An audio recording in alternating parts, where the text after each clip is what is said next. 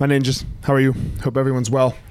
Uh, man, not the most skillful action on my part today, and I always like to talk about talk about it when I when I when I don't act as skillfully as I possibly can, and how, and how I can get out of that and do better and do, you know, be more skillful. So, um, Kane's doing his homework today or his schoolwork, and I'm up here in a meeting, and I come downstairs and uh, he's upset you know, it happens.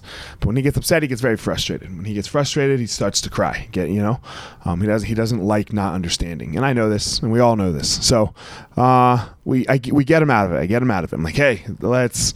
My wife, you know, my wife and I get him out of it, and he does something to get out of it, and then we go back to the schoolwork, and I can help him because it's math, and I'm a math major. So he's still not getting it, and I'm, I'm working through it slowly, and everything's going okay. Like it's going okay with with me you know, like I'm working to it and through it with him. He's still getting a little frustrated, and then he gets frustrated again, and boom, he's crying, and then I scream. You know, and I just man, and I know better than this, right?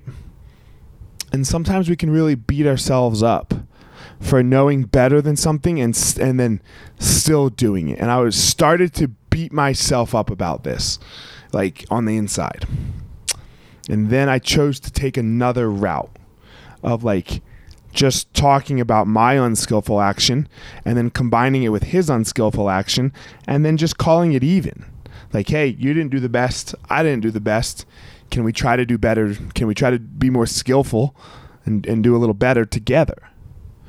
And that kind of got us both out of it. We both got to like laugh at ourselves a little bit.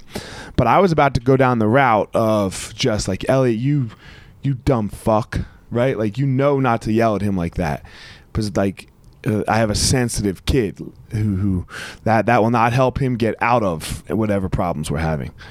So uh, yeah, you know, so a little unskillful action followed by a little skillful action, followed by a lesson for me to to know to not keep going down once I act unskillfully to not keep going down that route right? And to not keep going down the oh that was not smart and then beating myself up about that. So um, some lessons that i've really been working on and learning here during during my great pause is that is giving myself some space to fail.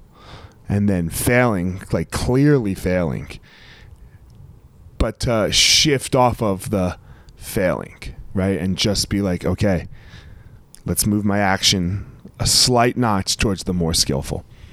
Find your power.